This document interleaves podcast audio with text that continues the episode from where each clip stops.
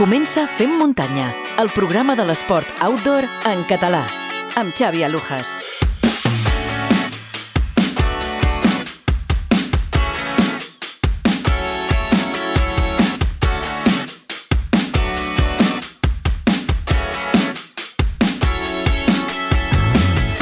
Hola, benvingudes i benvinguts al Fem Muntanya, el programa de podcast dedicat íntegrament a la muntanya i als esports outdoor. Comencem ara mateix aquest programa número 35.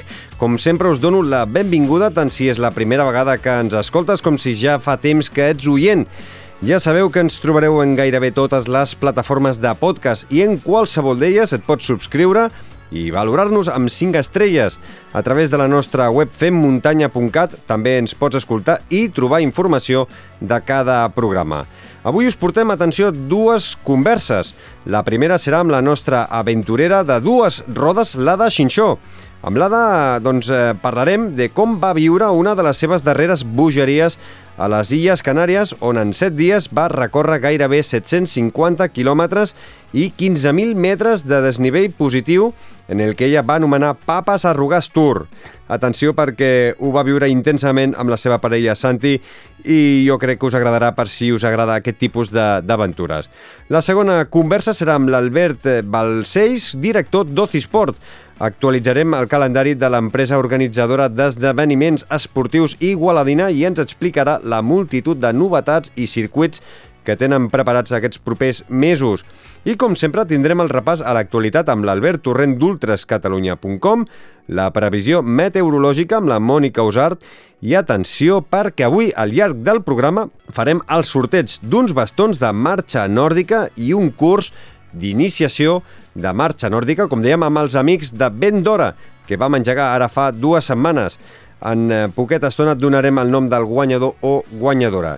Ja sabeu que ens trobareu a Twitter, a Instagram i a Telegram com Fem Muntanya i aquí a Telegram ja sabeu que tenim un grup amb tots els oients que voleu formar-hi part i així podem compartir opinions i aventures. Els enllaços els trobareu a les notes d'aquest programa. Recordeu que també tenim un correu electrònic femmuntanya arroba femmuntanya.cat per rebre els vostres feedbacks. Si voleu col·laborar amb el programa, el que heu de fer és clicar l'enllaç que trobareu a la nostra web i a les notes de tots els programes abans de realitzar qualsevol compra al portal d'Amazon. És així de fàcil, a vosaltres no us costarà res i a nosaltres ens ajudareu amb el manteniment del programa. I ara sí, ja ho tenim tot preparat, ens lliguem les sabatilles i sortim a fer muntanya!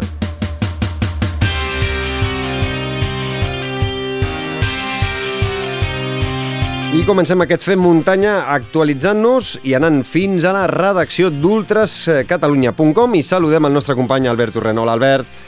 Hola, Xavi, què tal? Molt bé, a veure, comencem eh, fent un resum del que ha donat de si del Campionat d'Espanya de curses per muntanya de la FEDME. Sí, que es van celebrar al Banyes de Màgina, a la província de Jaén, i dissabte es va celebrar la prova vertical, on Manuel Merillas i Virginia Pérez es proclamarien campions d'Espanya de l'especialitat i on Pere Rullant, per cert, que va quedar quart a tan sols 6 segons del podi. Però la notícia va estar en les categories inferiors, on els corredors de la selecció catalana van aconseguir fins a 10 medalles eh, repartides de la següent manera. 4 ors per Anna Guirado, Albert Pérez, Jan Castillo i Martina Gonfaus i 4 plates per Isaac Barti, Laia Gonfaus, Iu Net i Berta Guitart i dos bronzes per la Carla Esclusa i Eliu Jaume. I diumenge es va celebrar la prova en línia, el Campionat d'Espanya de, en línia, amb una nova victòria de Manu Merillas, que va fer doblet, i Ollana Cortázar, que déu nhi amb 41 anys segueix a l'èlit de les curses per muntanya. I el sots campionat pel matadeperenc Jan Margarit, que va fer una autèntica cursa disputant-la fins a l'últim moment. Wilfred Lladó va ser campió sub-23 i els debutants Sergi Garcia i Anna Guirado es penjaven la medalla de plata de la categoria. I al igual que la vertical, doncs, els més joves també van aconseguir eh, més medalles per la selecció catalana amb un total de 6 en categories juvenil i júnior. Ors per Ionet, Albert Pérez i Martina Gonfaus, plata per Josep Miret i Iu Jaume i bronze per la Laia Gonfaus. Uh -huh. A casa nostra, a Catalunya, curses que també s'han disputat. Le comencem fent un repàs per la X-Trail Run Series a l'Eia. Sí, a Alella es va celebrar la segona prova d'aquest circuit, X-Trail Grand Series, amb tres distàncies. Uh, Adrián Martín i Sònia Castellà van vèncer la cursa de 25 quilòmetres, en la de 14 van ser Quito Vergés i Messi Arcos, i en la de 8 quilòmetres Jaume González i Mamen del Castillo. Més curses, la cursa de la Moixina. A Olot, a la Garrotxa, eh, doncs amb triomfs per Aleix Domènech i Clàudia Trems. Més curses, la cursa de les Tortugues. De la Garriga, al Vallès Oriental, amb dues distàncies, en la de 14 triomfs per Òscar Rodríguez i Elisabet Martín, i en la de 7 quilòmetres, victòries per Javier Urbano i Mireia Mauri. Vinga, alguna més. La Via Castrum, què ens ha deixat? La Via Castrum a Santa Eulàlia de Puig Oriol, una nova edició d'aquesta magnífica cursa amb victòries per Lluís Ruiz i Helena Mercader. Mm -hmm. I una altra de les que es va disputar aquest cap de setmana, 1 de maig, eh, va ser The Peak of the Sun i en aquest cas eh, tenim el Marc Fernández que ens farà un resum del que ha donat de si. Hola, bona tarda. Bueno, aquest cap de setmana es va celebrar la primera edició de Peaks of the Sun, una travessa que vol ensenyar els racons i eh, els cims més emblemàtics del Baix Camp, eh, la qual va començar a la platja Almadrava a Trenc d'Alba i havia de finalitzar al Tossal de la Baltasana, al punt més alt del Baix Camp, al costat de Prades, amb una altitud de 1.203 metres abans de que s'apagués el sol. Eh, el recorregut era de 89 quilòmetres i uns 6.300 positius, eh, un recorregut exigent, eh, tècnic i alhora pues, divertit per la gent que, que ja em coneix i, bueno, i el que era la inscripció era gratuïta i l'únic que havien de fer els participants pues, era aportar 10 quilos d'aliments. Això va ser bueno, increïble perquè vam superar d'escreix, juntament amb els voluntaris que van aportar el seu granet de sorra i acumulant un total de 3.000 quilos d'aliments, que aniran totalment íntegres al banc dels aliments i llavors pues, bueno, pues, això es tractava, que gaudissin de l'entorn, que gaudissin de l'aventura, sense marcatge, no hem d'oblidar que anava sense marcatge i amb un track i un roadbook que van facilitar des de l'organització i bé, jo crec que, que va ser totalment un èxit la primera edició i esperant la, la segona edició que hi haurà moltes més sorpreses i una gran travessa que es farà el 2022. Estigues atent, Albert, eh, que el 2022 el Marc Fernández té idees molt, molt boges. Segurament, sí. I abans de fer el sorteig eh, que tenim pendent de fa 15 dies, de, que vam engegar fa 15 dies, eh, fent-nos 5 eh, cèntims del que ens espera per aquests, eh, per aquests eh, propers eh, dos dies, aquest proper cap de setmana eh, 8 i 9 de maig. Sí, amb tres cites indispensables. Uh, L'Ultratrail de Barcelona, que enguany es trasllada a Sant Llorenç de Morunys, al Solsonès, i que donarà el tret de sortida de la Copa Catalana de Curses d'Ultraresistència de la FEC i del circuit PIX Ultraseries de l'empresa Ocisport. Farà amb quatre distàncies de 80, 56, 20 i 13 quilòmetres. A Berga, doncs, la cursa Berga-Rasos Berga, amb tres modalitats de cursa, de 26, 13 i 9 quilòmetres, i amb un descens vertical. I per acabar, doncs, ens anirem a Collbató, on es farà la tradicional cursa de l'Alba, que celebrarà la seva 33a edició una de les més longeves del calendari català, i ho farà amb el seu traçat més clàssic de 24 quilòmetres i 1.100 metres de desnivell positiu. Albert, em sembla que aquest eh, cap de setmana et veurem a l'Ultra Trail Barcelona, no? Intentarem fer el que es pugui a l'Ultra Trail de Barcelona, intentarà viure-la des de dins i disfrutar d'aquests 80 quilòmetres que segurament eh, els disfrutarem com mai. Doncs eh, no et perdis la conversa que tindrem eh, d'aquí uns minuts després de parlar amb l'Ada Xinxó, amb l'Albert eh, Balcells, de Sport, que ens, parla, que ens explicarà i parlarem amb ell de totes les curses que té aquesta empresa igualadina pels eh, propers mesos i ens parlarà de l'arrencada de Pix Ultra Series, eh, així que te la recomano. I ara... L'escoltarem. I ara, abans que marxis, va, anem a fer el sorteig que vam engegar fa dues setmanes. Recordeu que regalàvem uns bastons de marxa nòrdica i un curs d'iniciació gràcies als amics de vendora.com. Albert, m'has de dir un número de l'1 al 9, que són els oients que han encertat la pregunta que vam llançar, que era en quin any es va crear l'empresa Vendora. La resposta era l'any 2012 i ara l'Albert, mm -hmm. eh, seràs la veu innocent. Tu mateix, de l'1 al 9. Innocent. Doncs va, direm el número 8. Doncs eh, busquem el 8, aquí el tenim, és el Cisco Díaz, que en el seu correu electrònic, en el seu mail que ens va enviar femmuntanya arroba femmuntanya.cat, ens deia, m'agradaria fer aquest curs, l'empresa vendora va començar la seva activitat l'any 2012, l'enhorabona pel programa, sóc un gran seguidor des dels inicis, gràcies Cisco Díaz. Doncs eh, ens posem en contacte amb el Cisco per demanar-li les seves dades i que pugui doncs, eh, fer aquest curs d'iniciació i rebre aquest eh, parell de bastons eh, per fer marxa nòrdica. Albert, moltíssimes gràcies. Ens escoltem la setmana vinent. Molt bé, a vosaltres. Fins la setmana que ve.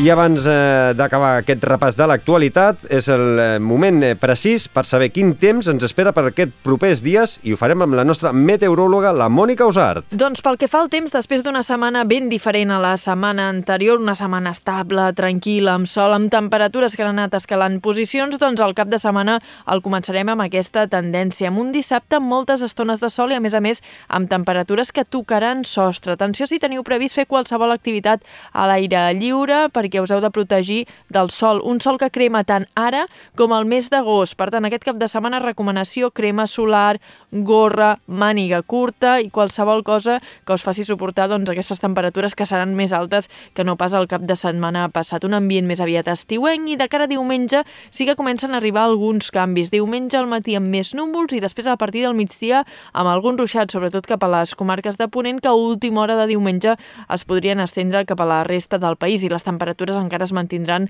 a la banda alta. Per tant, recomanacions per aquest cap de setmana, feu el que us vingui de gust, si voleu triar millor dissabte que no pas diumenge, perquè serà un dia més segur a tot arreu i més estable, i sobretot protecció per aquest sol que crema de valent. I de cara a la setmana que ve sembla que podrien arribar canvis. Moltes gràcies, Mònica. Fins la setmana vinent. Envia'ns les teves opinions a través de Twitter, Instagram o del correu electrònic femmuntanya arroba femmuntanya.cat. Saludem un dia més a la nostra aventurera de dues rodes, Ada Xinxó. Benvinguda de nou, Ada. Hola, Xavi, què tal? Bé, molt de gust eh, parlar amb tu de la teva, una de les teves darreres aventures, la Papes Arrugàs Tour, una ruta per diferents illes de l'arxipèlag canari. Quants dies hi vas estar amb el Santi, la teva parella i tu? Doncs vam ser-hi set dies, una setmaneta. Déu-n'hi-do, i que, que, que, com va néixer aquesta aventura i, i en què consistia aquesta aventura, la Papes Arrugàs Tour?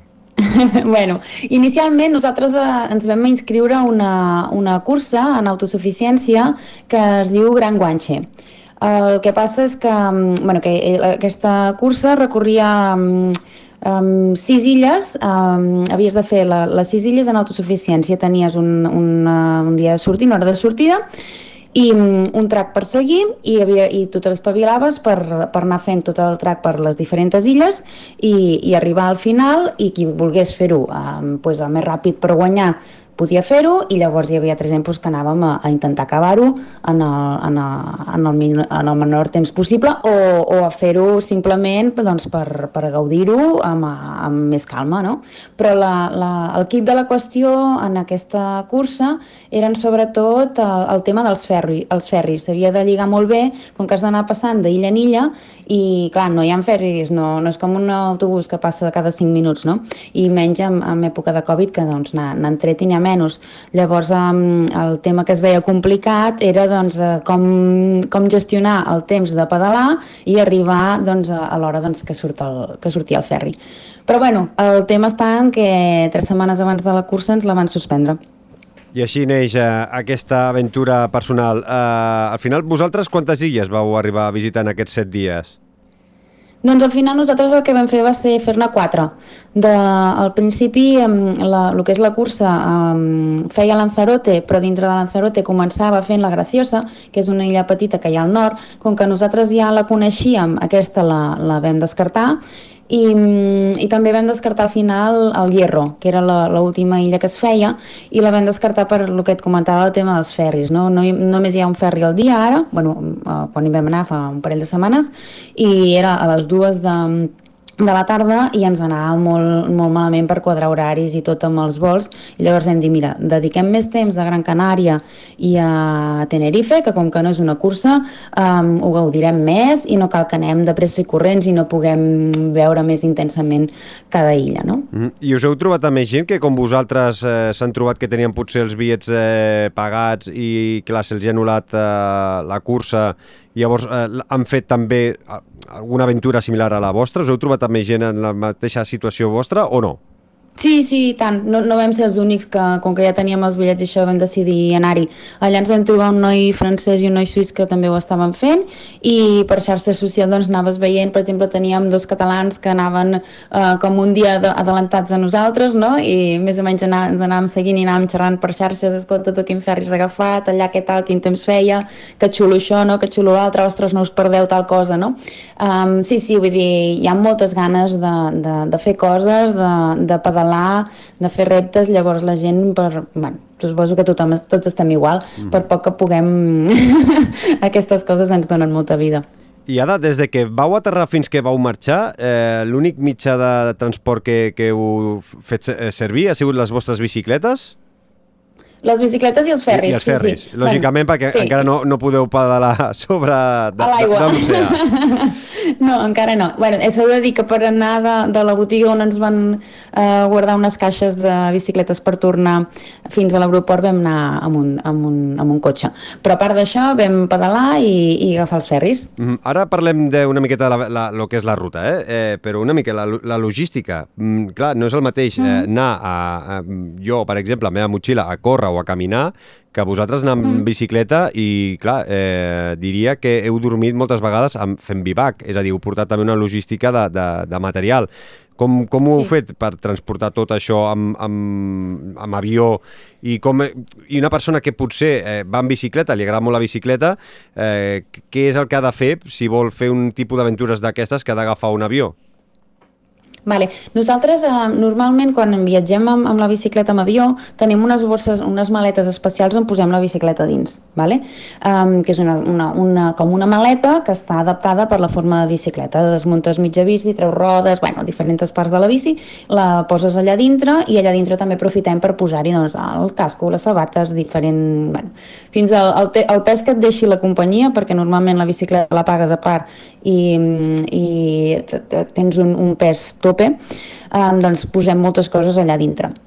Què passa? Que aquest cop no podíem anar amb la nostra maleta de la, de la bicicleta perquè què en fèiem un cop arribéssim a, a, a Recife? Perquè com el punt d'arribada i el punt de sortida no era el mateix, que eren dues illes diferents, um, havíem de, de portar la bicicleta amb caixa de cartró. És a dir, nosaltres a l'arribar a l'aeroport de, de Recife, a Lanzarote, el que vam fer va ser muntar les bicicletes allà mateix, a fora de l'aeroport, vam llançar les caixes de, al cartró i, i ja vam sortir pedalant. Llavors el que vam fer va ser contactar amb una botiga de Tenerife que ens guardessin en dues caixes de cartró quan ells desmuntessin unes bicis, um, o sigui, fessin unes bicis per muntar la botiga i ens les guardessin per nosaltres poder tornar cap a, cap a Barcelona. No?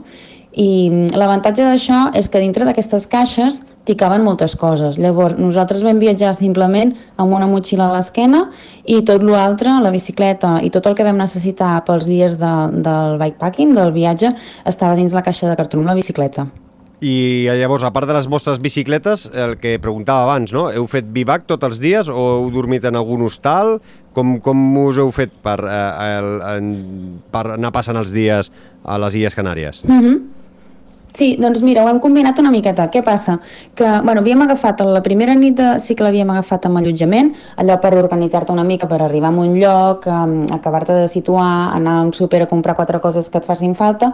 Llavors nosaltres quan vam arribar um, a Recife, vam muntar les bicis, vam anar pedalant cap a Orzola, que és on comença la ruta de la Gran Guanxe, i allà vam dormir en un, en un Airbnb.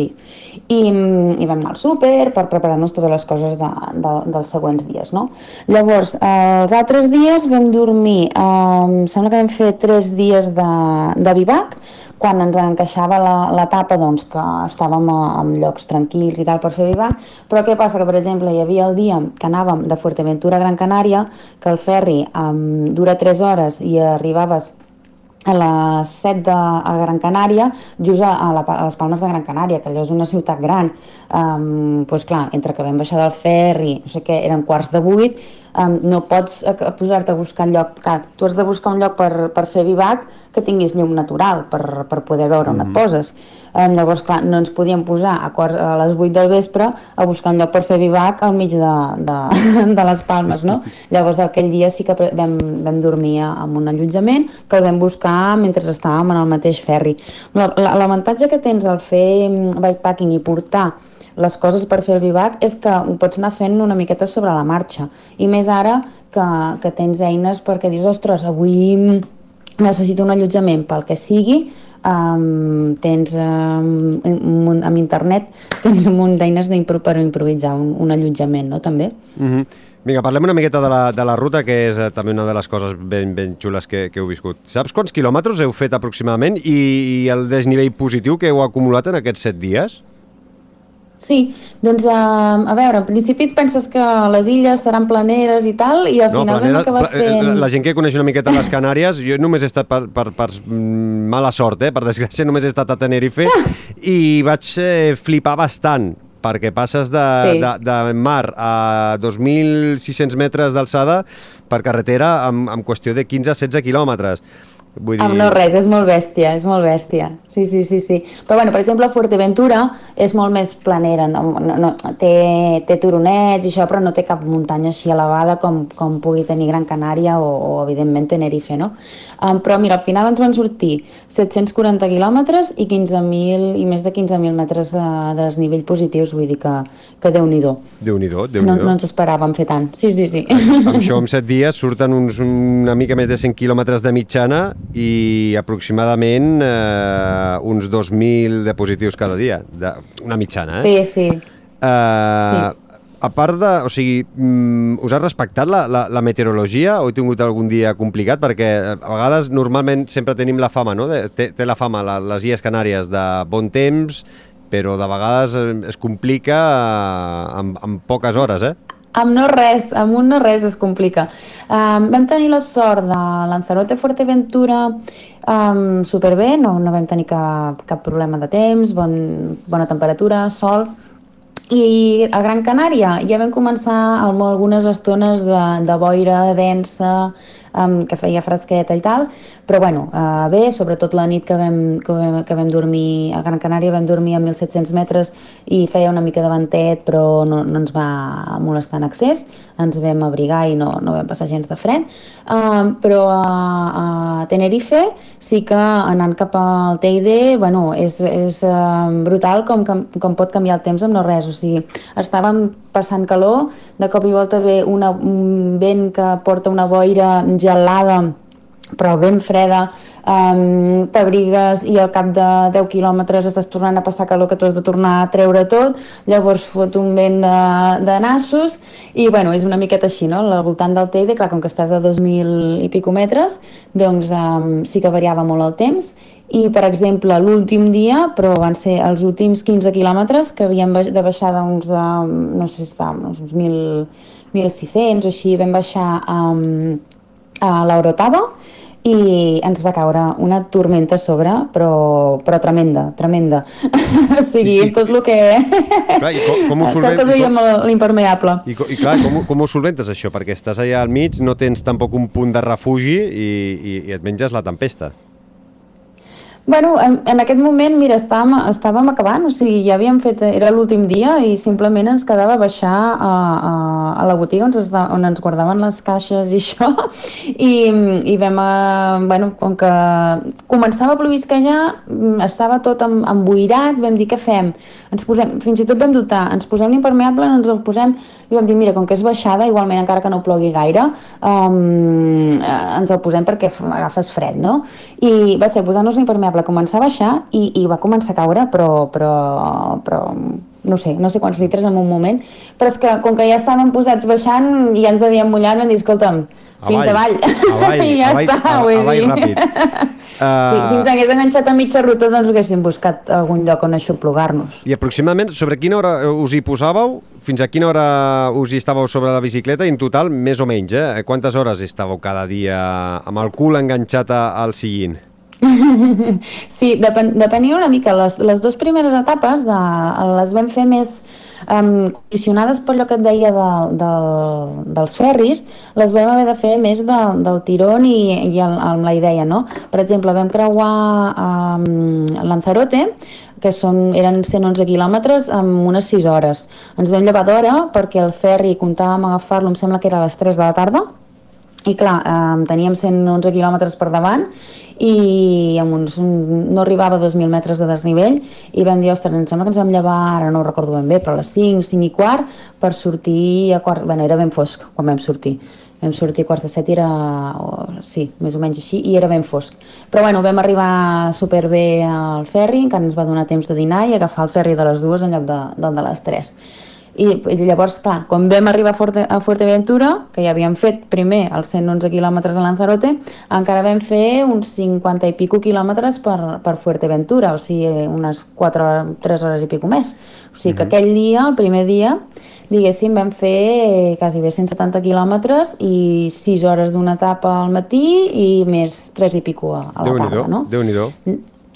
Sí, però bueno, depenia més del dia, això. Mm, Fuerteventura també ho vam fer així bastant del tirón, que van ser també unes sis horetes més, per agafar el ferri de, de les 4 també, i llavors ja amb Gran Canària i, i Tenerife, com que teníem més temps, ho vam dividir a les illes amb, amb dues etapes per gaudir-les més, per anar més tranquils, sense pressa, pues, parant a, a fer un vermutillo, saps? Vull dir, el que ens vingués de gust i, i també vam fer moltes hores, però això, més, més amb la calma i menys quilòmetres. Mm -hmm. bueno, a, a, a Tenerife no, a Tenerife vam fer 100 quilòmetres més o menys cada dia, però perquè allà vam canviar com que no podíem anar al Hierro, vam canviar el track de, no vam fer el track de la Gran Guanxe, que travessava uh, Tenerife de nord a sud, sinó que vam fer un, una primera part de la Gran Guanxe i després vam fer el track de, de, de la volta al Teide, que um, el Sergi Fernández Tolosa, no sé si el coneix, el, el, el coneixes, sí, l'Amàlia, sí. et sonen? Sí, sí, doncs tant. ells són uns grans aventurers, tenen algun llibre i recordava haver vist aquesta ruta d'ells en un llibre i la, la vam cercar i, i vam fer aquesta ruta els dos últims dies. Uh -huh. uh, tota aquesta feinada de planificació, de marcar tracks i tot això, evidentment, quan, quan de temps eh, us hi heu passat al Santi tu a casa eh, buscant rutes, eh, cercant eh, un impuls, eh, marcant eh, quins punts eh, sí o sí volíeu anar i sobretot eh, que us quadrés bé amb, amb el tema dels horaris de, dels ferris. Vull dir, qu quants dies uh -huh. us hi heu estat per planificar tot això i que després doncs sortís eh, bé? Vale. En aquest cas no massa, perquè com que um, ja vam agafar els tracks de, de la cursa, de la Gran Guanxe, i després em va córrer això de, del Sergi, i vam mirar els quilòmetres totals, vam veure que més o menys ens quadrava, um, aviat ho vam, ho vam tenir planificat, i la veritat és que ho vam poder quadrar molt bé. Um, a vegades no et surten tan bé les coses, però aquest cop, mira, ens anava encaixant tot molt i arribàvem als ferris, no en vam perdre cap, vull dir que no, no ens podem queixar per lo que una miqueta ho vam improvisar, no? Uh -huh. Però, per exemple, en l'altre bikepacking que vam fer, que ja vam parlar, el, de, el, el Ruralia Tour, el sí. que vam anar a fer muntanyes vacíes, allà sí que vam dedicar bastantes més hores perquè um, per anar fins a Terol, on comença la ruta, a la ruta, sí que vam, uh, o sigui, no teníem tracks, o sigui, vam començar, diguéssim, de zero, buscant tracks a Wiki bueno, és, una, és una aventura. És una aventura. un track i un altre... Clar, és una aventura. És, eh, I l'aventura comença Exacte, quan, quan sí, sí. tanques a casa amb l'ordinador davant i comences a enllaçar punts, que és divertit i, i és sí. tot una aventura. I després arribes al, al lloc I, és... i, i et trobes que la carretera o la pista o, o el corriol doncs, està tallat, està en mal estat i has de començar ah, a modificar sobre, sí, sobre sí, la marxa. Sí, sí, sí. Clar, clar, clar. És part de l'aventura. Sí. Aquests, en, en aquests 740 quilòmetres que heu fet, eh, heu patit algun problema mecànic eh, que us ha posat eh, doncs, en algun eh, susto o, o no? O eh, per sort ha anat tot perfecte i no heu tingut cap punxada, cap eh, problema amb els frens, perquè això, escolta, amb tants quilòmetres i, i, i per la muntanya, normalment sempre, si no és una roda, eh, és un disc que salta. Sí, sí, sempre poden passar coses, però vam estar molt afortunats i vaig punxar, però vaig punxar l'últim... El, el, el dia que ens van passar més coses va ser l'últim dia. va ser el dia que ens va caure la tempesta a sobre, però abans ja havia punxat jo. A més, bueno, no és que punxés, vaig destalonar i mm, el destalonar, el, el, el tubeless, um, no ho acabava de sellar perquè les cobertes aquestes amb, el, amb les rodes que porto em costa molt de tuberitzar i el, i el, el desllentar no hi havia manera de, de poder-ho tornar Uh, uh, uh, inflàvem, seguia perdent aire, bueno, no hi havia manera al final vam haver de posar càmera per molt que ens hi vam resistir i un cop posada la càmera res, cap problema, vam continuar i de seguida se'ns van començar ens va començar a caure gotes i, i es va començar a animar el temps per, vull dir que va ser els últims quilòmetres quan ens va passar de tot, però la resta molt plàcid en us, aquest sentit. Us va, us va anar per poc. Uh, quin és el punt més alt uh, per on heu pedalat? Uh, suposo que per la illa de Tenerife, no? Correcte, sí. A Tenerife vam pujar el, el mateix dia, el primer dia el, que vam començar la, la volta al Teide, vam pujar dues vegades a, a 2.300 metres. Va ser una etapa força exigent perquè vam fer gairebé 3.200 metres de, de desnivell positiu perquè el track um, ens vam recordar uns quants, unes quantes vegades de, del Sergi i l'Amàlia perquè el track ens va fer pujar a 2.300 metres i quan ja érem allà dalt Um, la veritat és que valia la pena perquè el paisatge volcànic era um, tremendo. Ens va fer baixar un altre cop a 1.600 per tornar a pujar a 2.300 una altra vegada. I, i bueno, eh, ja et dic, paisatgísticament valia la pena fer-ho. Eh? I, I es nota l'alçada o no? Allà dius, ara torna a pujar, ara torna a pujar. I, i es nota l'alçada, bueno. la, la, la falta d'oxigen, quan estàs a, a 2.300 metres d'alçada i vas amb la bicicleta o no? Jo no ho sé apreciar. Jo no. Vas jo molt no, preparat. No, això, no vol dir que vas, mai. això vol dir que estàs molt forta i que vas molt, molt, molt sobrada, eh? No, no ho sé, però no, realment no, no. Jo ja. el que notava molt, perquè quan vam tornar a pujar 2.300 era l'aire, o sigui, feia un vent que, mare meva, i més carregat i tot, eh, ens, va, ens va costar estones mantenir la bicicleta allà on volíem. I ara que han passat unes quantes setmanes, Ada, eh, digue'ns algun punt, alguna zona que recordis que vas patir pel terreny, pel desnivell o per les hores que ja portaves acumulat, aquell, aquell, aquell punt que dius eh, m'estic recordant d'aquell moment, d'aquell mal moment que vaig passar, que vaig patir físicament. Bueno, a veure, tens, tens, uh, hi ha moments puntuals, hi ha una cosa que és molt característica a, a Canàries en general, um, sobretot a, a Lanzarote i a Fuerteventura, que ara no, surt, no, no sé si ho diré bé, um, saps quan el, el, a les pistes hi han, han passat els cotxes i hi han aquelles ondulacions del terreny tan marcades sí. que allà em sembla que li diuen rissaderos o rissaeros o alguna així, sí, sí. que de, de rissa no en fan gens, no fan gens de gràcia perquè has d'anar molt, sobretot quan vas amb la, amb la bicicleta de, de gravel no? I, amb, i carregant, perquè has d'anar molt ben agafat perquè allò et fa vibrar de mala manera i i bueno, és difícil de... Bueno, és dur aguantar allà perquè el terreny està tot ondulat i, i, i és emprenyador. I per altra banda també hi ha, hi ha zones on la, amb, que hi ha bastant gruix de, de grava, de sorra volcànica. Llavors, clar, amb la bicicleta de gravel també mantenir la direcció per allà on la vols, eh, per allà on vols, sobretot si fa baixada i això doncs és complicat, no? Però, bueno, jo ja et dic, crec que el, el, tant el Santi com jo, on vam patir més va ser, eh, i no era pel terreny sinó pel, pel vent, uh, a la part alta, a la part alta de, del Teide, sobretot a la baixada. Mm -hmm. Són com uns 15 quilòmetres de baixada i se'ns van fer eterns però perquè ens costava controlar la bicicleta. Mm -hmm. I ara faig la pregunta contrària. Eh, eh, ara que han passat unes setmanes, tanques els ulls i aquella zona, aquella aventura, aquell tros que tanques els ulls i, la, i et ve a la ment i, i dius, tot ha valgut la pena. Sí, bueno, tinc claríssim. Um, va ser molt sorprenent um, a Gran Canària, a prop del Pico de les Nieves, abans d'arribar-hi. Um, no sé, era la primavera en estat pur. Eren extensions de flors, però immenses, uh, amb una olor, clar, això no s'aprecia ni a les fotos ni a, ni a res, un, una olor superintensa. Um, no hi havia ningú, el Covid té moltes coses dolentes, però una de les bones va ser que aquesta aventura la vam poder fer molt tranquils, perquè hi havia molt poca gent a tot arreu, i, i no sé, era, molt intens, els colors, les olors, va ser un, un paisatge que ens va sobtar, a més veníem de, de Fuerteventura, que és una illa molt, molt més àrida, molt més seca, que el que ens va agradar a Fuerteventura van ser el mar, els seus colors, el contrast de, de, de la terra més, més colors desèrtics amb el blau superintens, i en canvi vam arribar a, a Gran Canària i era tot verd, colors de les flors, eh, molt tropical, no sé, molt mm. primaveral. Llavors em quedo amb, amb aquesta sorpresa que va ser per nosaltres doncs, la, la Gran Canària eh, interior, sense, no veiem, o sigui, no teníem el mar a prop, però tota florida, molt intensa i amb unes vistes, o sigui, des de Gran Canària veiem eh, el,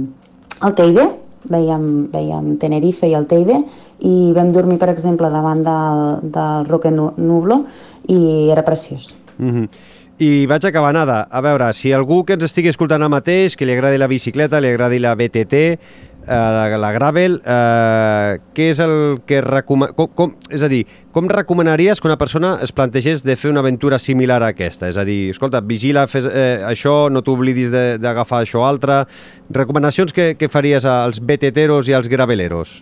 Um, a veure, uh, no, sé, no, no sabria molt bé què dir-te ara mateix, no? però um, més que res um, és depèn de com, de com tinguis enfocada la ruta. No?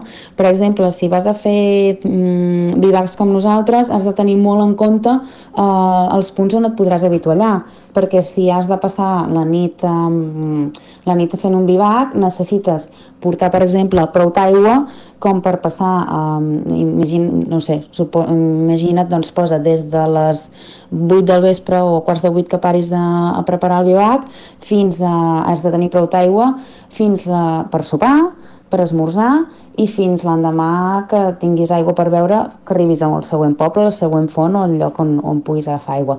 Això si el punt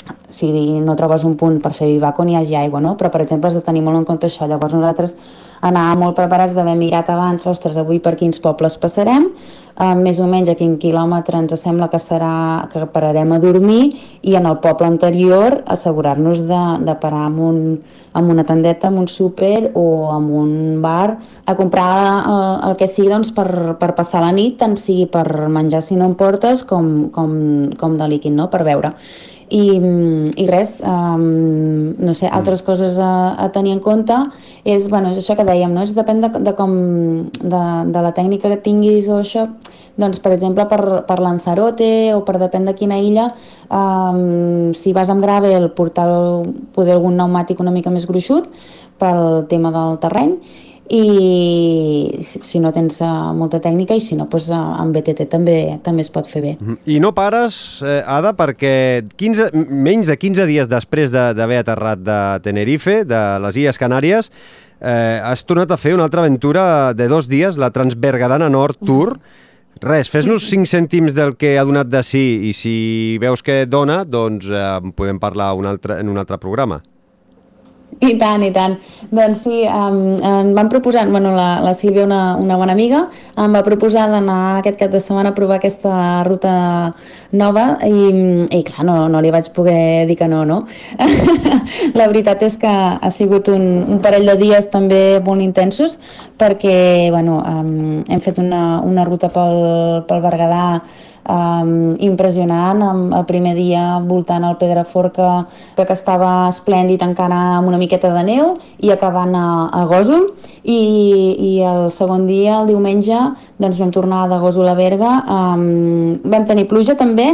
Bueno, cap problema. Les dues vam decidir continuar endavant tot i que els amics de Berguedà Bike Trails, que eren els que organitzen aquesta ruta, ens van dir, escolta, cap problema, ja vindreu a fer aquesta etapa un altre dia. Van dir, no, que ens fa il·lusió fer-la. I, I la veritat és que després, a més a més, va parar de ploure, la vam poder acabar de gaudir a tot bé, amb una pujada tremenda que hi ha al final, que és que puges els tossals, uh, no sé si, si ho coneixes, però unes rampes uh, del 30 i pico per cent per rematar la feina. Sí, sí, sí, però bueno, després des d'allà dalt, corriols uh, infinits fins a, fins a Avià i arribar a Berga una altra vegada. Va ser un cap de setmana molt xulo amb la Sílvia i, i una ruta que, que, que la recomano també. I molt més a prop de jo, casa. jo el que recomano, jo el que, el que recomano, Ada, és que qui vulgui que entri al teu Instagram eh, i que veurà moltíssimes fotografies d'aquestes dues aventures, més totes les aventures i entrenos que vas, vas fent, eh, penges fotos molt xules i amb eh, bones explicacions. També us recomano que li doneu un cop d'ull al teu Strava, que allà veuran totes les rutes que has fet, els temps, tot, tot, tot. I si et sembla bé, deixarem els enllaços a les notes del programa i així, doncs, eh, qui vulgui, ho té molt fàcil per eh, veure la, el teu Instagram i el teu Strava, eh, que ho tens eh, a tope i que ho petes. Eh, moltíssimes gràcies, Clar, Ada. faltaria més. Moltíssimes gràcies, Ada, per explicar-nos aquesta gran, bueno, aquestes dues grans aventures. Clar, la, la idea era parlar-ne només del Papa Sarrugas Tour, però clar, és que no pares i no ens has, donat, no ens has deixat temps que has tornat a fer-ne una altra. Dic, doncs la- la- l'haurem de comentar aquí al, al Fem Muntanya. Uh, res, Sí, no deixis la bicicleta, continua pedalant i, i anem xerrant en properes setmanes. I tant, moltes gràcies, Xavi. Una abraçada. Visita la nostra web femmuntanya.cat. Saludem el director d'Ocisport, Albert Balcells. Benvingut al Fem Muntanya, Albert. Què tal, com esteu? Molt bé, déu nhi vosaltres la feinada que us espera pels propers mesos. Si et sembla, començo pel que ens queda més a prop, va, que és la Ultra Trail Barcelona i la cursa de l'Alba aquest eh, proper cap de setmana. La cursa de l'Alba Collbató diumenge 9 de maig. Tindrà el mateix recorregut dur de sempre per Montserrat o no?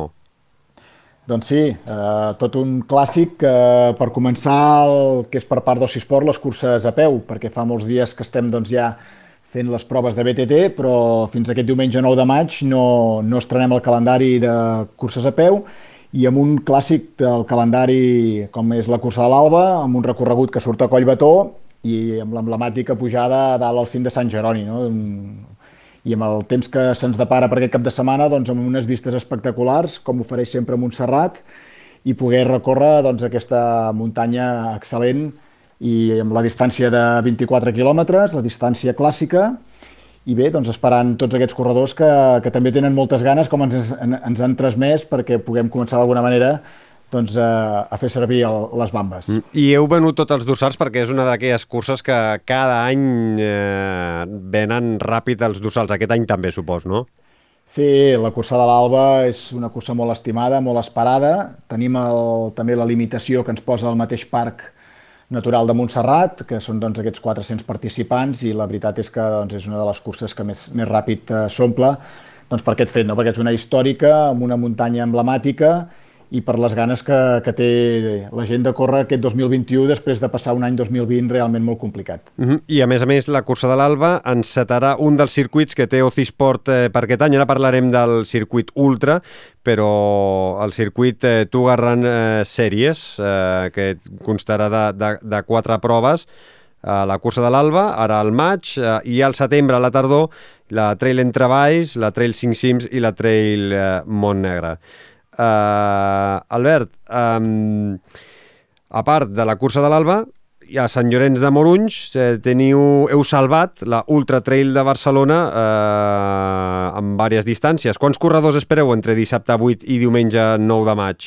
Bé, doncs mira, la Ultra Barcelona amb totes les seves distàncies, doncs eh, també hem tancat inscripcions a 1.300 participants i per tant doncs també doble plat fort per aquest cap de setmana amb aquesta prova doncs, que en el seu moment semblava que no tenia una sortida clara i bé, doncs, eh, aquí a la Vall de l'Hort s'ha pogut doncs, d'alguna manera poder dissenyar, creiem que uns recorreguts molt espectaculars amb aquesta muntanya i mitja muntanya que ens depara a la Vall de l'Hort i això ha fet que aquest 8 de maig doncs, puguem tinguer eh, la celebració d'aquestes distàncies de 82, 56, 20 quilòmetres i 13 i també, com dèiem, no? doncs aquestes ganes que tenen els corredors d'alguna vegada ja estrenar la temporada i bé, doncs, eh, amb aquest circuit eh, nou com és l'Ultra Peak Series, aquest eh, circuit d'ultradistància, doncs fa que per nosaltres també sigui l'arrencada la, tot el que serà una temporada d'estiu molt, molt intensa. I a més a més, eh, en gairebé aquestes quatre distàncies que, que has dit, eh, tindreu corredors eh, d'èlit, Eh, per exemple, eh, dono alguns noms, Jordi Gamito, eh, Pere Aurell, Pablo Villa, Mario Olmedo, d'aquí de casa nostra, eh, la Mònica Aguilera, l'Ester Frank, eh, la Teresa Forn, eh, la Rosa Espanyol, la Ragna Dabats, eh, espectacular el cartell que, que, que tindreu a Sant Llorenç de Morunja aquest cap de setmana.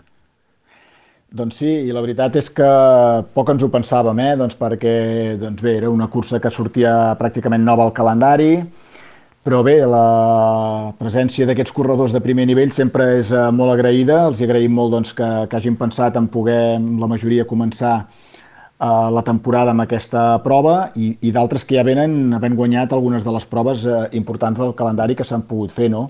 Mm. I tot això doncs, fa realment un caldo de cultiu de que respirarem molt, molt running de muntanya, també amb la presència doncs, inclús de la Sheila Vilés amb algunes de les distàncies més curtes, i bé, doncs tot això farà un conglomerat que, que creiem doncs, que serà una, una bona aposta per passar un bon cap de setmana corrent per les muntanyes de la Vall de l'Hort. Mm, Albert, us ha beneficiat de la manca de proves eh, internacionals i per això doncs, es busca eh, doncs, bueno, clar, eh, exhibir-se, no? Perquè molts corredors, eh, molts patrocinadors suposo que necessiten fer curses, ja que, per exemple, molts no han pogut anar a, la, a Patagònia, eh, a molts països costa arrencar de, el fet de, de, de poder fer curses i, i, i decideixen venir i córrer a casa vostra? Doncs eh, segur que sí, eh? vull dir, no, no, no volem obviar aquesta realitat que és doncs, el fet d'haver-se tan limitat a les proves a, a nivell mundial i també doncs, a nivell de l'estat espanyol doncs, ha fet que algunes proves doncs, que poden tirar endavant com aquesta doncs, hagin reforçat la participació tant de corredors internacionals com de corredors d'àmbit estatal. No? I el fet doncs, de que coneguin doncs, Sport i de que doncs, els hi suposi certes garanties, doncs, eh, molts han cregut que és una bona aposta doncs, d'estrenar-se a nivell de la seva temporada el que serà aquest Ultra Trail de Barcelona. I quines eh, sorpreses els hi espera a la Vall de l'Hort eh, als 1.300 corredors que, que tindreu? Bé, doncs eh, la Vall de l'Hort per mi és una vall excepcional, la conec des de fa molts anys, per sort, i, i la veritat és que és una gran desconeguda pel món del trail running. Eh? I alguns dels corredors que han anat doncs, a fer diferents entrenaments, eh, inclús amb algunes marques que han anat a fer sessions de fotografies pels seus catàlegs, doncs han descobert una zona on fa molts anys s'hi estan fent eh, anuncis de televisió, de cotxes, de motos, i que realment doncs, és una vall eh, molt espectacular, molt paisatgística, i, i bé, jo crec que la majoria de corredors no hi hauran estat i s'emportaran un bon record dels paisatges de, de la Vall de l'Or. Mm, això de ben segur que sí. La Half Marathon, amb 21 quilòmetres i 1.375 metres, eh, donarà el tret al calendari de les Sky Runner eh, National Series i la Ultra de 82 quilòmetres i gairebé 5.000 positius donarà el tret al nou circuit, com deies, de les eh, Pic Ultra Series by Griffon. Formar part d'aquests circuits us ha ajudat a omplir també els calaixos i vendre tots els dorsals? Doncs sí, també tot suma, no? I el fet doncs, de poder tenir un patrocinador premium com és Grifonet, una marca doncs, de casa i que realment doncs, eh, també ha fet una aposta en, en poder donar visibilitat a aquest circuit. El fet de formar part de la Copa Catalana amb la FEC, amb la Federació d'Unitats Excursionistes de Catalunya, doncs, també ens dona aquest nivell i aquesta regularització en, en, en poder tinguer una competició de primer nivell i el fet de la Half Marathon d'estar a les Skyrunner National Series doncs, també ens ajuda que hi ha una sèrie de corredors que segueixen el circuit de Skyrunner, que eh, busquen aquestes puntuacions per, per aquest rànquing internacional, i bé, tot això doncs, fa un conglomerat que realment doncs, tinguem aquestes dues proves molt destacades dins de calendaris, doncs, tant en l'àmbit català com en l'àmbit internacional. Eh, eh, heu tancat ja, eh, ja les inscripcions, però bueno, si voleu informació i voleu veure els resultats, eh, utbarcelona.com, eh, deixarem tots els enllaços a les notes del eh, programa. Parlem una miqueta de les eh, PIC Ultra Series. Com funcionen i quines proves eh, formen part eh, d'aquest circuit que heu ideat, que heu pensat vosaltres? Bé, l'Espic Ultra Series neix de la motivació doncs, de, de la demanda de molts participants. Eh? Són, en aquest sentit, teníem algunes proves dins del calendari que eren de distàncies menors, però bueno, la distància ultra continua sent una de, una de les més demandades i això ens va fer pensar doncs, que juntant aquestes tres proves, la Ultra Trail de Barcelona, la Ultra Bastions, que en el seu moment doncs, tampoc tenia clara la seva continuïtat després d'un 2020 molt complicat i que doncs, hem pogut també poder recuperar. I després doncs, eh, teníem l'Sky Race com a Pedrosa, que era una prova pura de skyrunning amb una distància de 21 quilòmetres, però que això, no? que molta gent doncs, ens demanava que volien fer més quilòmetres, recórrer més muntanyes a, al país veí Andorra, I bé, i amb la suma d'aquestes tres proves doncs, eh, vam creure molt adient treure el Pix Ultra Series i una vegada més també no, agrair a Grifone doncs, el fet que pugui ser el patrocinador principal d'aquestes tres proves i doncs, amb el seu suport ens hagi ajudat a tirar endavant aquestes tres eh, ultras, aquestes tres grans ultras, que el que venem doncs, és aquest repte, no? Eh, córrer més de 200 quilòmetres, 13.000 metres de desnivell positiu i el que pre pretenem és doncs, que aquests corredors d'ultra segueixin les tres proves, realment assoleixin aquest repte, aquest eh, repte personal de poder fer aquestes tres proves i superar aquests 200 quilòmetres. No? I els finishers tindran eh, premi? Bé, els finishers doncs és això, no? Eh, una jaqueta Grifone mm, valorada en forces euros, un, una jaqueta doncs, de, de primera qualitat i que jo crec que doncs, és un premi evidentment merescut pels tres, eh, per les persones que siguin capaces d'acabar aquestes tres ultres que realment no seran fàcils. Una per més, eh? Una al maig, una al juny i una al eh, juliol. Ara passem a la segona, que, que forma part d'aquestes eh, PIC Ultra Sèries, però m'ha arribat eh, que l'impacte econòmic de la zona de la Vall de l'Hort es veurà afavorit per la presència de molts corredors que venen de fora de Catalunya i que han omplert gairebé tots els allotjaments. És així, no? Doncs sí, hi ha gairebé una ocupació del 100%, inclús doncs, molts corredors que el fet de plantejar-se ser la seva primera cursa d'àmbit internacional o corredors que han vingut de fora doncs, realment faran estàncies de, de llarga durada i realment això, doncs, amb, després d'una època tan dura com ha passat la Vall de l'Or eh, pel fet de no poder rebre turistes, doncs jo crec que serà un bon impuls econòmic. Albert Balseix, a veure, seguim, si et sembla, amb el calendari d'Ocisport i una altra de les curses que formarà part de les PIC Ultra Sèries és la Ultra als Bastions els propers 5 i 6 de juny a Ribes de Freser. Com ha sigut aquest renaixement d'aquesta mítica prova que durant unes quantes setmanes, si no recordo malament un mes i mig llarg, eh, va arribar a, a desaparèixer? Doncs sí, i quan vam saber la notícia realment eh, vaja, era un cop dur, no? Perquè doncs, eh, tot i que no era una prova que estava dins el nostre calendari, sabíem que era un dels pals de paller de, de les curses a Catalunya, no? I per tant, doncs, per nosaltres era una, crec que una obligació parlar amb els antics organitzadors i d'alguna manera intentar posar-nos d'acord perquè d'alguna manera creiem que no podia desaparèixer aquesta cursa per la tradició que ja tenia, pel que significava pel territori i sobretot doncs, pel que significava pels corredors, no? que era realment eh, sentir-se orfes el fet de, de no tenir aquesta prova doncs, dins els seus objectius. Tindreu, heu recuperat tres distàncies, l'ultra de 71 quilòmetres i 4.700 metres de desnivell positiu, la Marathon de, de 51 quilòmetres i 2.900, gairebé 50 metres, i la Trail amb 21 quilòmetres i 1.314 metres de desnivell positiu. A dia d'avui, com estan les inscripcions? Bastant plenes, em sembla, no? Doncs sí, ara mateix també estem als 1.300 participants entre totes les distàncies. La distància ultra ja està tancada, tot i que hi ha una llista d'espera oberta, però està, està tancada, no podem acceptar doncs, més gent de la que en aquests moments tenim inscrita i amb les altres proves de més curta distància doncs, estem a punt de tancar perquè doncs, també volem conservar aquest esprit que tenia la, la cursa dels bastions, no? que era aquesta limitació aproximadament als 1.300-1.400 inscrits, perquè sabem que és unes dates complicades, unes dates que la... hem d'estar molt pendents de la climatologia i bé, doncs, una mica doncs, també volem garantir aquest límit de participants per tinguer doncs, una, una cabuda correcta amb, amb els temps que corren. Mm. Hi haurà moltes novetats o manteniu part dels recorreguts originals pujant, eh, per exemple, al Puigmal? Sí, mantenim l'essència del que s'havia fet fins ara i el, el cim del Puigmal doncs, és un emblemàtic no? i per nosaltres doncs, creiem que, que hem de seguir amb el que funcionava i els recorreguts doncs, era una de les coses de, que els corredors més bé valoraven i això és el que hem fet, no? mantenir uh, aquests recorreguts. Em sembla que molts anys eh, que s'ha fet, eh, s'ha disputat la Bastions, la majoria d'anys, no tots, eh, però sí que és el que comentaves, eh, la meteorologia juga en contra i em sembla sí. que molts dels que hem participat un any o un altre ens ha, ca... ens ha acabat caient una tempesta a l'olla de Núria sí. i s'ha de vigilar aquestes coses i per això està bé limitar i que pugueu tenir eh, tots els corredors controlats.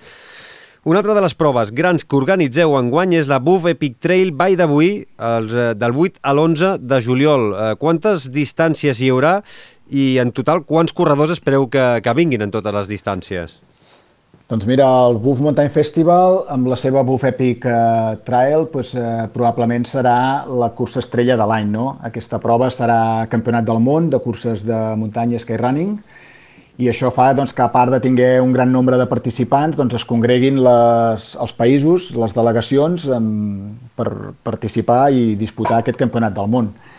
Aquesta prova doncs, és, eh, que té lloc el, del, del 8 a l'11 de juliol, com deies, comença amb una prova de quilòmetre vertical, és una prova que serà doncs, on es disputarà el Campionat del Món i a la vegada doncs, hi ha també la participació Open. Eh? Mm -hmm. Aquesta prova doncs, són aquests 1.000 metres de desnivell i és una cursa vertical clàssica doncs, aquest, aquest quilòmetre vertical. Eh? Mm -hmm.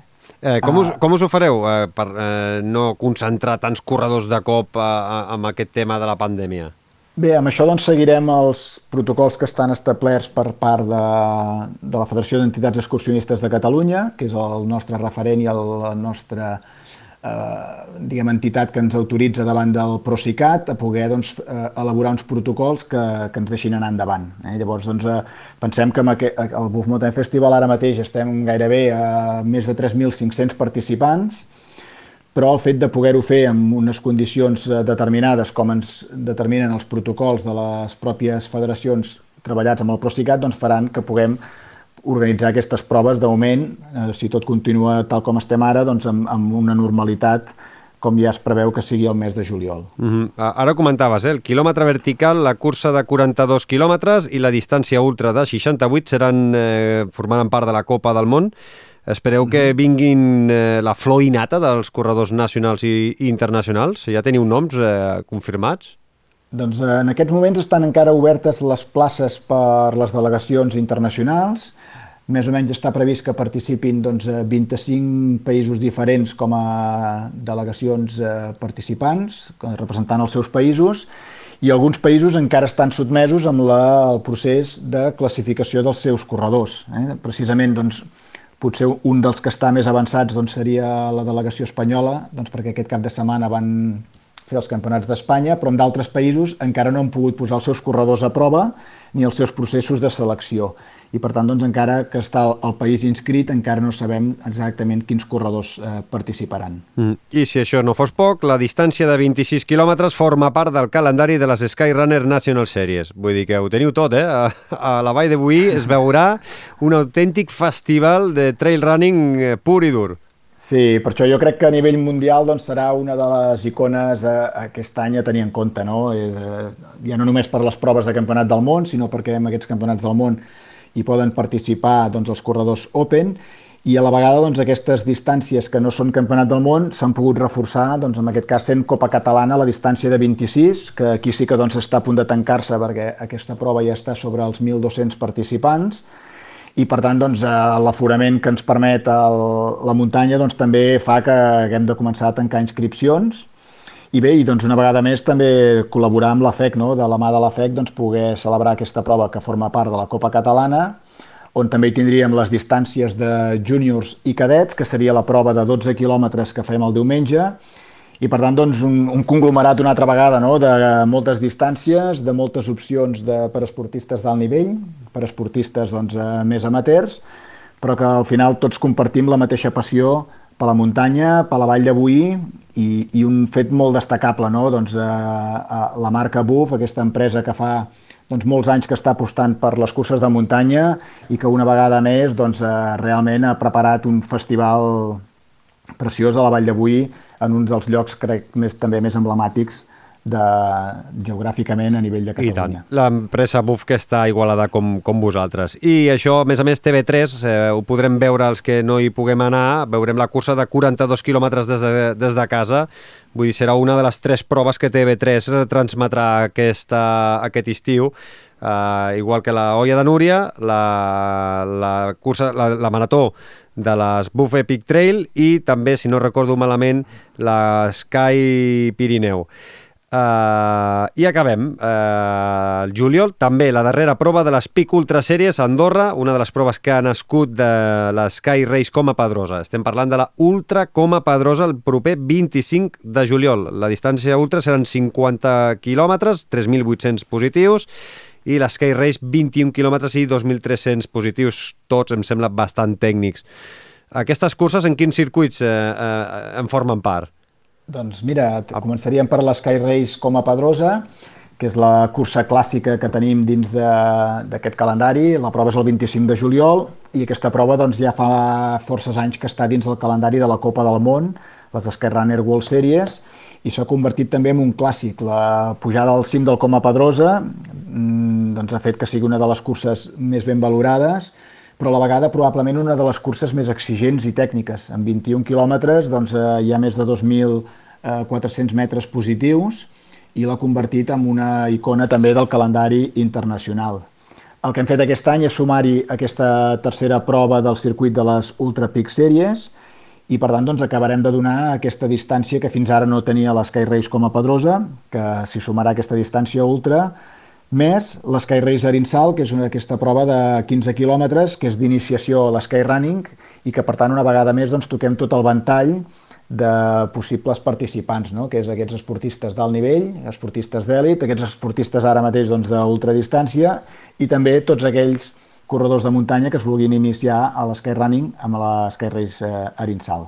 Albert, doncs et sembla bé que regalem dos dorsals per a un oient de, que ens estigui escoltant ara mateix i que vulgui participar a l'Ultra com a Pedrosa o què? Doncs mira, em sembla perfecte. L'únic que n'haurem de buscar algun que, que, que no sigui novell perquè les muntanyes d'Andorra realment són dures, són tècniques i doncs bé, a veure si s'anima si algú. Doncs eh, seran per dos valents o, do, o dues valentes eh, via Instagram, així ho farem. Eh, hem penjat avui mateix eh, un post i el que heu de fer és eh, en aquest eh, post eh, escriure un comentari citant a dos amics o dos amigues i heu de compartir el post en una història citant els comptes del Fem Muntanya i de l'Sky Race com a Pedrosa per tenir més possibilitats de que us toqui. Teniu temps fins a aquest proper dimarts 11 de maig a les 10 del matí i al llarg del mateix eh, dimarts donarem el nom dels eh, guanyadors i esperem doncs, que hi hagi molta sort. Si no us toquen, podreu entrar a la web skyracecomapadrosa.com eh, deixarem l'enllaç a les notes del eh, programa i allà us podreu inscriure a qualsevol de les tres proves d'Andorra de, de, de l'Sky Race com a Pedrosa eh, Albert, si et sembla, el que podem fer és, eh, de cara, que com que teniu moltes més curses a la tardor i no atabalar més el, els oients amb tantes curses que en feu un munt, ara aquesta primavera i estiu, eh, quedem pel setembre i comentem les curses que teniu de cara a la tardor i a l'hivern. Molt bé, i si volen saber aquesta informació d'avançat, doncs ja ho saben a ocisport.net i veuran doncs, un calendari que hem treballat per aquesta temporada molt intens de curses i bé, us esperem doncs, a, a que tots aquests aficionats puguin disfrutar i gaudir d'aquest calendari espectacular que hem pogut fer d'Oci Sport Running. I a més a més, eh, com que aquí també al Fem Muntanya també parlem de BTT, també eh, teniu un gran calendari, eh, tots aquells que els agradin les dues rodes, eh, un calendari espectacular per participar en bici de, de muntanya. La gent que també us sàpiga que feu, eh, organitzeu bones curses de, de BTT. Doncs Albert Balcells, eh, director de Oci Sport, moltíssimes gràcies per atendre'ns i molt valents i molta sort als eh, qui vulguin participar en el sorteig que hem engegat aquí a, a través del Fem Muntanya. Moltes gràcies, cuida't, una abraçada. Gràcies a vosaltres, ens veiem aviat. Fem Muntanya, l'esport outdoor en català, amb Xavi Alujas. Aprofito els eh, darrers minuts eh, per llegir alguns eh, dels comentaris que ens heu fet arribar a través de les diferents vies. Començo pels que heu escrit al post amb la caràtula del programa 34 a Instagram.